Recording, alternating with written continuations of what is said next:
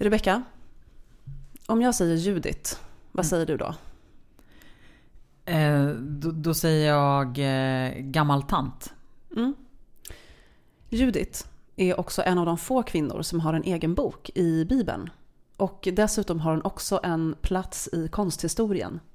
Hon var en sån vanligt förekommande bild under typ så här 1600-talet. Eh, att hon, blev, hon var hjärtedam i den franska kortleken. Va?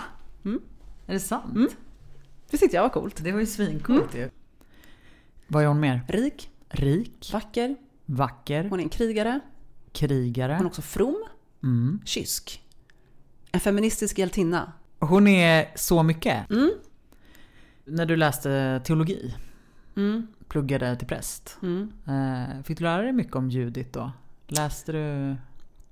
Inte ett spår. Nej? Du då? Nej, nej, nej, nej. Jag, jag vill minnas att jag inte har fått lära mig någonting Nej. om, eh, om Judit. Och varför vet vi så lite om henne?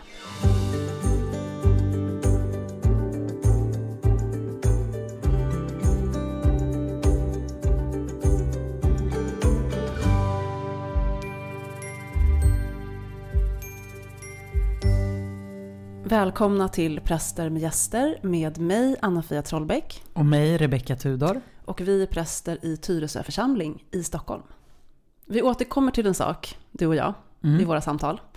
Eh, och det är serier. Ja, men just det. Vi tittar mycket på serier, både du och jag. Mm.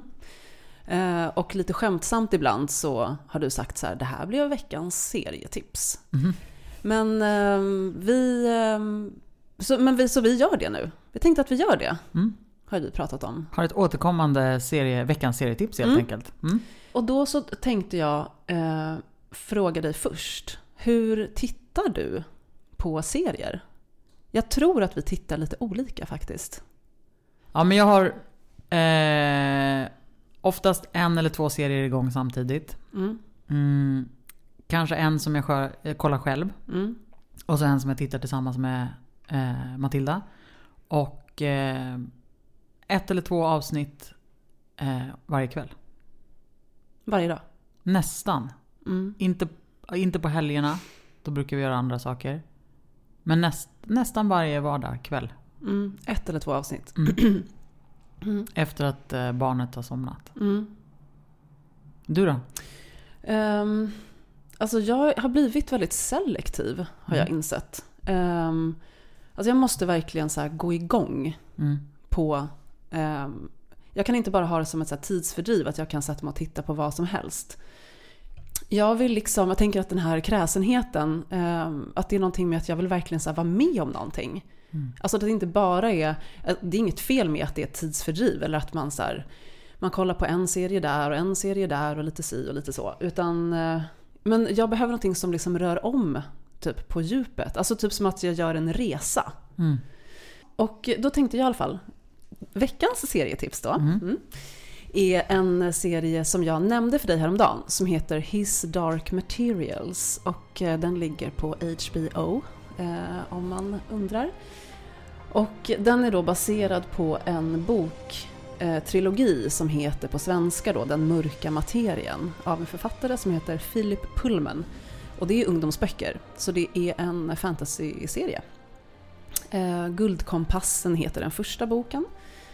Och nu har man då gjort, ja man håller på att göra, man har gjort två säsonger än så länge. Så Mm. det är den första och den andra boken. Eh, och den handlar då om en parallell värld till vår. Som är väldigt, men som är lik men ändå samtidigt väldigt eh, olik. Och i den här parallella världen så har varje människa en daimon. Alltså ett själsdjur i fysisk form som är ens följeslagare. Och eh, man pratar med den och så. Mrs. Coulter, how are you able to be so far away from your demon? It's too painful. I'm not. Och i den här världen då så regerar magisteriet som är ett religiöst som är en religiös eh, regering eller ett religiöst råd. Eh, och de vill då kontrollera allt, särskilt kunskap och vetenskap. Så då står liksom den religiösa, eh, den religiösa makten står i kontrast till då typ akademin och vetenskapen. Men det är också liksom en magisk värld. Det finns häxor och... Klart att du älskar den. Ja, jag vet. och huvudpersonen i den här serien då heter Lyra. Mm. Och hon har växt upp på Jordan College i Oxford. Oxford only had so much. But this, Now, what will you eat? I don't care about food. Well, Eh, Så serien handlar om henne eh, och det är liksom ett långt äventyr. I have an announcement to make. We're going to have an adventure together. We're going to go on a voyage to the best place you could possibly go to. Den handlar om någonting som heter stoft. Väldigt mystiskt. Eh, om parallella världar och om då en profetia som kan öppna alla portar och befria människorna. Ja men fint. Bra, tack för Mm. tipset. Så det kan, den kan jag verkligen rekommendera och det är en väldigt fin så här, vignett. Eh, och eh, ja, det är så här häftig, bra musik. Mm, Det gillar vi. mm. Så man blir, för det tycker jag också är viktigt med serier, själva vignetten. Mm. Det är tråkigt med de som inte har någon alls. Mm. Och där, vin- en sån där, ehm, men det är häftigt när man har tänkt till, när vignetten speglar liksom, eh, stämningen Mm. eh, och det som man ska få titta på. Ja, men så nästa gång så tror jag så att det är du som tipsar. Ja, det ser Mm. jag fram emot. Mm. Mm. Ehm, men eh, vi ska bjuda in vår gäst nu. Ja, det ska vi. Ehm, och idag öppnar vi porten för Judit.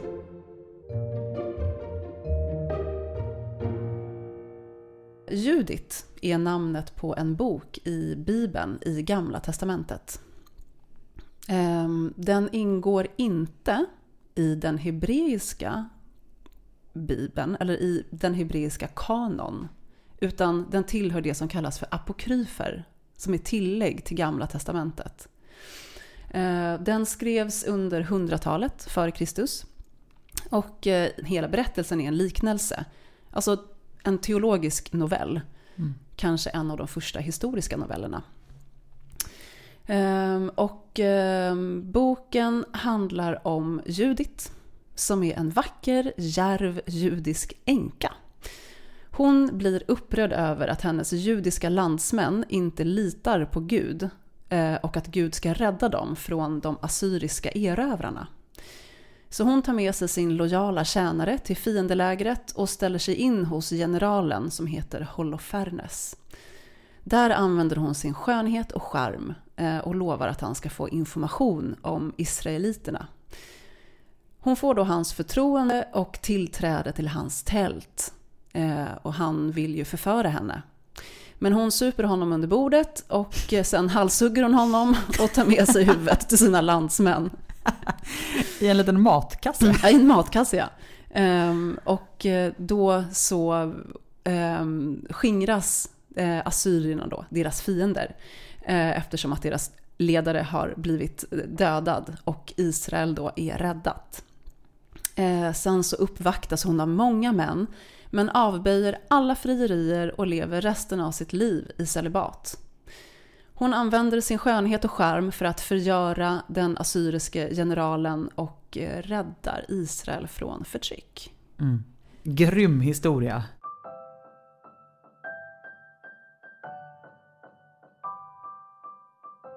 Ja, det är en grym historia. Eh, Det är också eh, det är häftigt med Judits bok för den är precis som Esters bok liksom skönlitterärt. Det är ett skönlitterärt verk. Mm. Den är inte stolpig eller på något sätt utan den är verkligen så här, det är helt sammanhängande och den är spännande. Mm. Ehm, och eh, Judit själv är ju väldigt eh, mångtydig. Eh, och eh, hon har många olika roller. Eh, hon går igenom på något sätt liksom olika, så här, hon går igenom vissa, hon går igenom så här, vad ska man säga, transformation. Mm. Så att det som hela berättelsen och boken öppnar ju upp för, em, för olika tolkningar av henne framförallt. Um, och eh, hon är ju väldigt många saker. Jag bara säger det först och sen så kan vi fortsätta. Eh, du ska få snacka lite också. Ehm, men eh, hon är då... Du ska få snacka lite också. Jo, jo, nej men alltså absolut. Men fortsätt du gärna. Mm. Eller du kan bara göra ett inpass när du undrar över något. Ja. Hon är änka. Hon är också en eh, femme fatale. Vad betyder egentligen femme fatale? Det är en kvinna som använder sin sexuella attraktion för att uppnå sina syften. Den kvinnliga listen helt enkelt. Kan, ja. Okej, änka, femme fatale, alltså hon använder sin skönhet för att förföra. Mm. Vad är hon mer? Rik, Rik, vacker, vacker, hon är en krigare, hon är krigare. också from, Mm. kysk. En feministisk hjältinna. Hon är också våldsam, manipulativ. Hon ljuger, hon mördar, beräknande. Hon är också modig och attraktiv. Smart, klok. Hon är så mycket.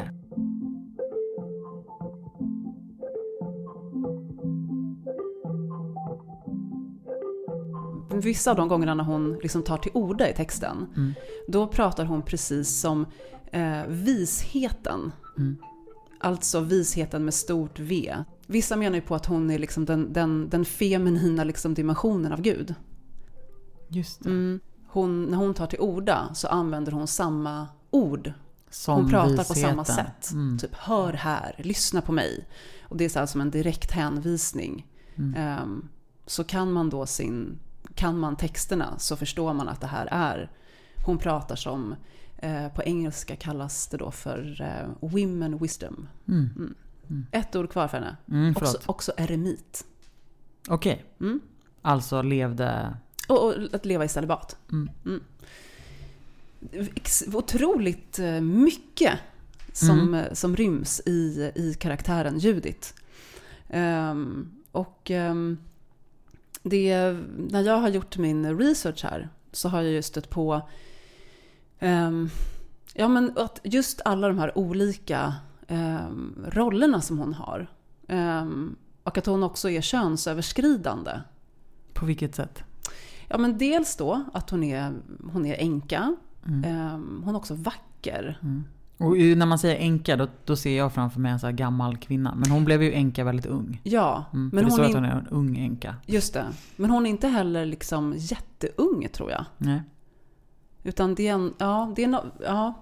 Så att för det är någonting. Din feeling är att hon inte är det. Du bara, jag tror inte att hon var det. Jag tyckte faktiskt att jag läste det någonstans. Ja, och att det var så här, hennes ålder nämns inte. Mm, liksom, den, den bekommer inte då Holofernes som hon ska och alla andra män runt henne i fiendelägret. Alla bara liksom, de typ bara lägger sig på marken och typ faller ner på knä för att hon är så vacker. Mm. Alltså extremt vacker. Um, sen är hon också brutal. Mm. i, och liksom beräknande och manipulativ. Precis som, som, eh, som, eh, som man tänker att så här, män är. Och att hon går in i den här liksom... För att det är ju så att männen, eh, i och med att de är på något sätt är erövrade. Eh, och jag tror eh, det är så att de lider av vattenbrist. Mm. Så de har så gått med på att bli erövrade. Och hon bara, hur har ni kunnat gå med på det här? De bara, vi var tvungna, så här, vi kunde inte göra något, vi, hade inget, vi var tvungna att få vatten. Eh, och då är det som att hon bara tar kommandot. Så att när männen inte kan göra något, då så bara kliver hon in i en traditionell då, manlig roll. Eh, och sen när berättelsen nästan är slut eh, och hon har liksom haft Gud med sig på sin sida och eh, räddat folket. Då så um, är det som att då, tänk, då är det som att då börjar de här männen fria till henne. Och hon bara nej tack. Jag tänker leva i celibat, jag vill leva själv. Ehm, och då är det som att hon kliver över och nästan är så här könsöverskridande på ett sätt där hennes där hon alltså att nästan blir som en androgyn eller att, att det som inte var i någon roll alls. Utan att eh, jag vill inte leva med någon man. Och hon har inga barn. Och det, som, det, det definierade ju kvinnor Mm. vid den tiden. Men just det, men jag tänker också att hon var, eh, eftersom hon levde ett så fromt liv, Mm. eh, att det ju, hade det inte också med det att göra att hon just var änka? Alltså att hon ville Jo. hålla fast vid liksom, den man som hon hade Just en det. gång gift sig med, dog. Mm. Eh, men att hon håller liksom ingen annan man. Ja men precis.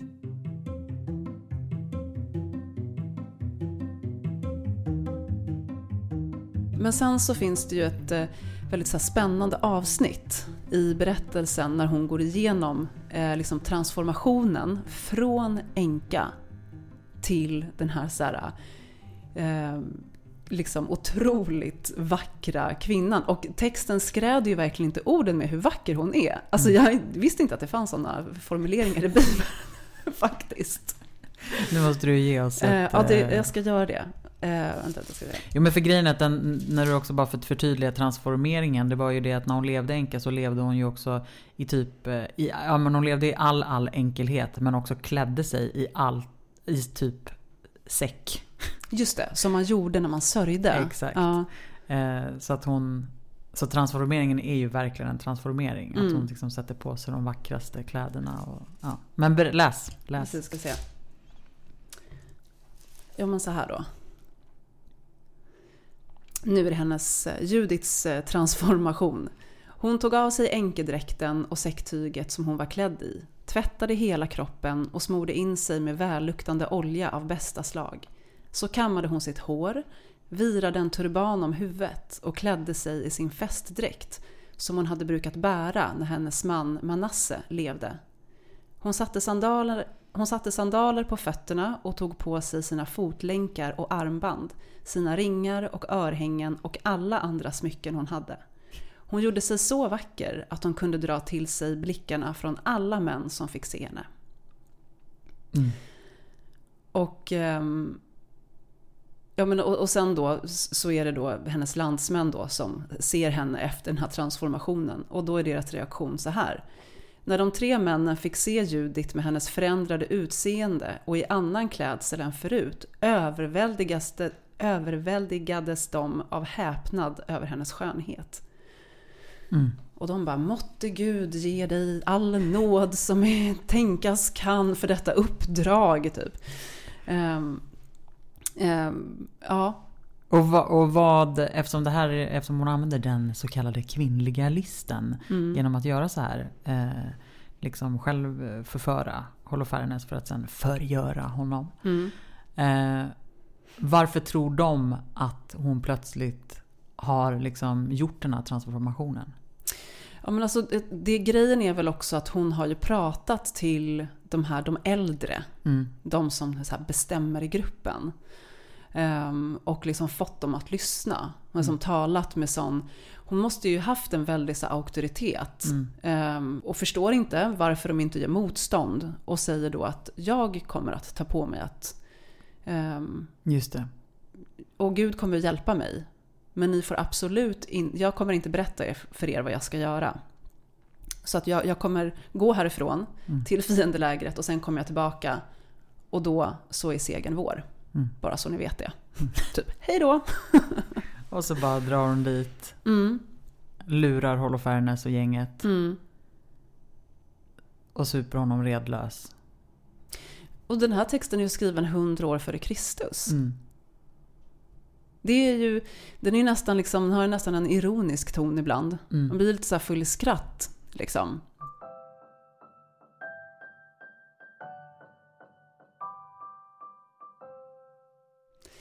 Men i inledningen då så sa jag att hon har en liksom roll, eller en, en plats verkligen i konsthistorien. Mm. Eh, och avbildningarna av henne är ju liksom otaliga. Och från liksom tidig medeltid fram till alltså modern tid. Mm. Ehm, och ehm, Ja men jag blev förvånad när jag tittade på några av de här konstverken av Judit och Mm. hittade bland annat Gustav Klimt.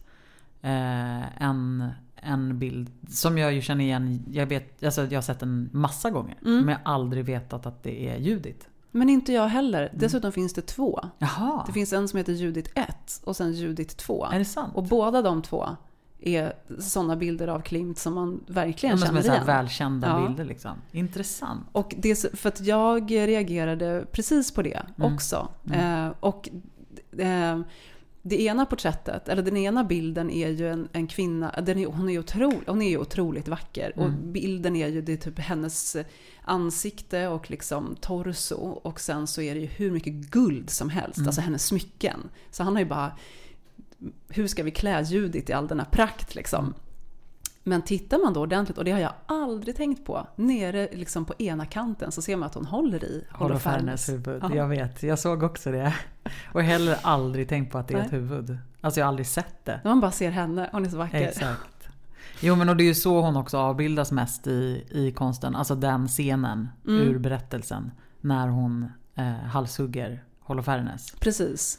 Eh, Ja precis, antingen när det är hon ganska gör många det. brutala bilder. Ja, när hon gör det eller när hon håller i huvudet. Huvudet. Mm. Men och de här avbildningarna i alla fall, har jag förstått det som, är, alltså de speglar ju kanske, och det tänker jag är- är spännande med Judith, eh, hur hon har liksom levt vidare och i de här avbildningarna så speglar de på något vis eh, samtiden som de är liksom gjorda i mer kanske än, än Judith själv. Liksom. Mm.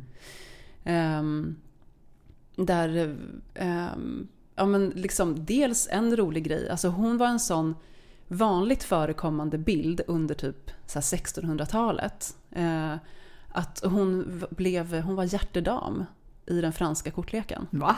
Mm. Är det sant? Mm. Det tyckte jag var coolt. Det var ju svincoolt Mm. ju.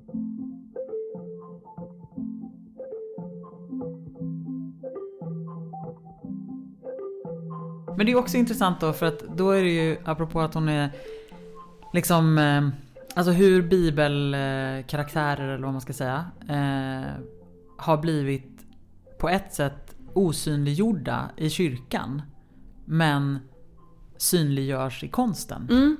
Och har blivit så en viktig, ja, finns i så mycket liksom. Mm. Eh, och sen så med tiden så har väl vi i takt med liksom hur, hur det religiösa har liksom på något vis trätt tillbaka från liksom sin maktposition och Mm. att ehm, liksom den, den så här, kronan som makt liksom har liksom tagit över samhället så har väl vi också avknoppats från vi har ju avknoppats från de religiösa berättelserna. Mm. Men att hon ändå är liksom ett sånt tydligt tema eh, under lång, alltså ända in på 1900-talet. Mm. Ehm, men att hon då eh, fram till typ renässansen så framställdes hon som alltså på något vis eh, positiva, som en positiv bild. Hon typ var som en, ers, inte ersättning men att hon var liksom som en eh, slags Maria-figur. Mm. Även typ Jesusaktig. Eh, alltså på grund av hennes egenskaper, att hon också var i grunden så god och sen så gjorde de här eh, visst brutala liksom Men det var också mordet. för att rädda Israel. Exakt. Mm.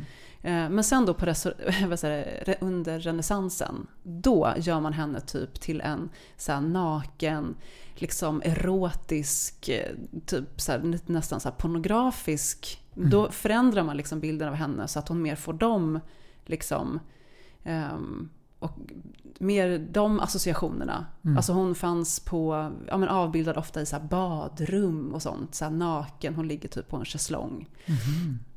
Eh, medan hon då tidigare, eh, ja men typ eh, de här halshuggningsmålningarna Mm. eh, är väl typ från eh, 1500-talet tror jag. Eh, men, eh, men då att hon under liksom renässansen, då blir hon typ som en så varning liksom, att, som en för män. Typ den kvinnliga fåfängan och Just skönheten det. är någonting dåligt. Mm. Just det. Ja, hmm. Ta er i akt män, typ så här, kvinnor de kan vara så här farliga. Mm. Liksom, om du inte passar dig så blir du halshuggen. Typ. just det. Mm. Eller så råkar du i fördärvet. Liksom. Mm. Och att det är så man då har också tolkat henne. Alltså män har gjort det då historiskt. Ehm, Nej men jag tänker just det, det här med hur kvinnor, alltså att det blir någonting fult med skönheten. mm, Och att det är någonting fult och dåligt när kvinnor använder sig av sitt utseende för att till exempel få makt eller Mm. få... Eh, och varför är det det liksom? Jag tänker, jag vet att vi pratat om det förut också, men att den här... Vad man får, hur man får ta plats som kvinna genom just de feminina attributen eller liksom Mm. det typiskt kvinnliga. Eh, och hur mycket man fick veta ganska tidigt i sin prästgärning. Nu är ju det här ganska länge sedan. Jag tror faktiskt inte riktigt att, det är så längre. Eh, inte lika mycket, inte lika utbrett i alla fall. Men att man eh, liksom inte skulle bära för mycket smink. Eller eh, nagellack eller högklackat eller mm, Ehm, för att då blir man liksom... Då kan man inte se bortom. Nej men det är, är det typ som som att, att, kvinnor inte fick bära byxor liksom när de Mm. började bli så politiskt aktiva Mm. och sitta i så här riksdagen och så. Mm. Mm, Alltså, precis, men då, då är det ju Ja. det motsatta ju. ja men, men det var ju ändå med samma, Mm. alltså hur ska vi män kunna koncentrera oss om en kvinna kommer i byxor? Mm. Eller dels närvaron överhuvudtaget, då går det inte att utföra något jobb för att det finns en kvinna i rummet. Mm. Och sen då så här, okej men då får man väl klä sig på mäns vis. Då var det liksom lika provocerande som en typ jättekort kjol. Mm. Det är helt fascinerande, tycker jag. Ja men verkligen. Nej men så är det ju inte riktigt lika Kanske man ska säga att det kanske varierar Det varierar nog i. Sverige Ja. beroende på var man är någonstans. Mm. Men, men i Stockholm så i alla fall min uppfattning att det liksom Nej, inte är så. det är inte riktigt ett ämne på det sättet. Nej. Mm.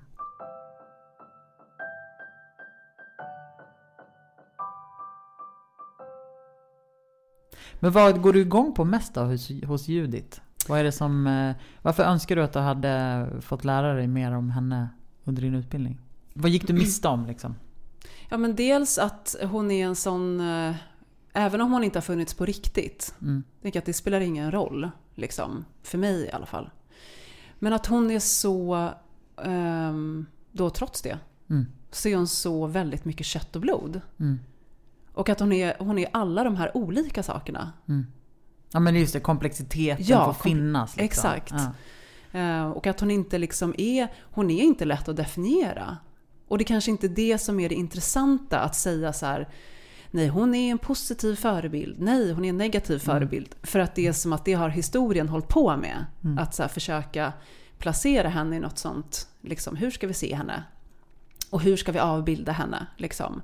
Men, att, ehm, men att det är snarare komplexiteten i sig som är det intressanta och att det finns att det skrevs hundra år före Kristus.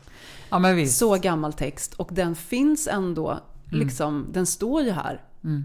Och den är jätterolig att läsa. Jo men och det är väl det där också när det är en kvinna som eh, plötsligt presenteras och beskrivs som en hel människa. Mm. Alltså just med allt det komplexa och alla olika sidor. Det är, inte, det är så ofta som vi, liksom även om vi, de få kvinnor som vi ändå kan läsa om i Bibeln, eh, kanske får ganska ofta ändå ganska snäva beskrivningar. Eller liksom, Mm. de är liksom en sak.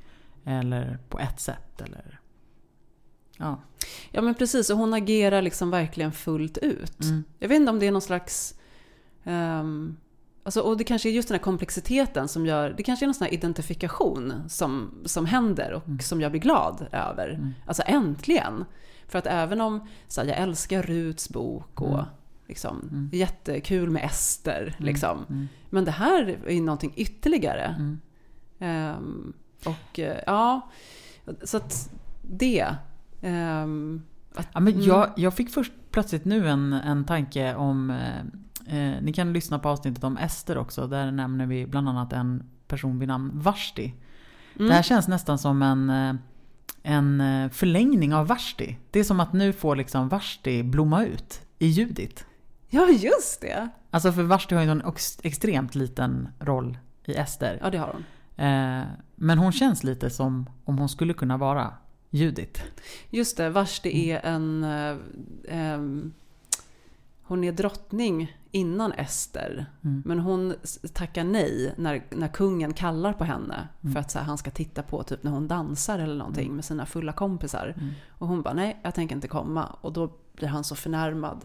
Så att, eh, så att han eh, avskedar henne höll jag på att säga. Nej men han eh, avvisar, alltså han förvisar henne från landet typ. Men hon stod ändå upp för Mm. sig liksom. Mm. Hon, ba- hon bad inte om ursäkt. Nej. Nej. Nej men jag tänker att det gör ju verkligen inte Judit heller. Nej. Och sen så är det någonting eh, häftigt också med att hon då på slutet, liksom hon Pratar av... vi om Vashti eller Judit? Nej förlåt, nu pratar vi om Judit. Mm, att hon bra. av... Ja, bra tack. Eh, Judit avböjer ju frierierna. Mm. Och så väljer hon att leva resten av sitt liv liksom i celibat med sina egendomar och eh, som hon sen liksom pytsar ut till sina anhöriga Mm. eh, innan hon dör. Så hon är väldigt eh, frikostig liksom. Men det är att hon liksom väljer sen att leva själv. Mm. Det tilltalar mig. Liksom med sina erfarenheter, med allt det som hon har gått igenom så är det som att hon bara, jag tänker fortsätta bara leva mitt liv. Mm. Vill inte vara beroende av någon Nej. Exakt. Mm.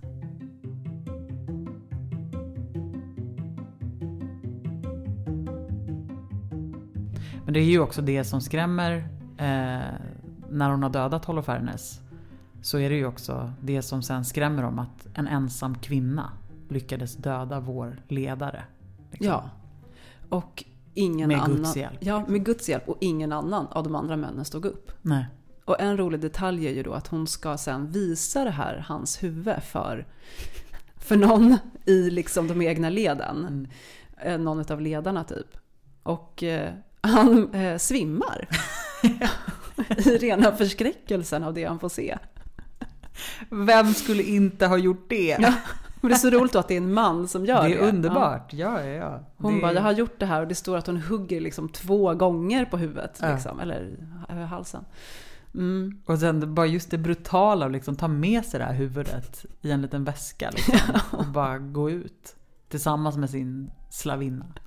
Som ju kanske var en vän, tänker jag. Mm. Alltså att det var kanske så kvinnor också liksom hade relationer när de levde som änk, alltså, änkekvinnor. Just det. Eh, så lever hon ju ändå inte helt ensam. Nej. Hon har ju en slavinna. Mm. Eh, som jag föreställer mig mer liksom, som en väninna. kanske en väninna. Precis, säger Rebecka med glimten i ögat. Mm. Ja, det står ju bara slavinna. Mm. Mm. Det, varför tackar hon nej till alla dessa män? Mhm. A girl. Hon hade sin älskarinna. Mm. Hon ville leva i fred med henne. Nej men det är så det är. Så var det. Ja, Mm. jättebra. Det är en jättehärlig queer-tolkning Ja. tycker jag.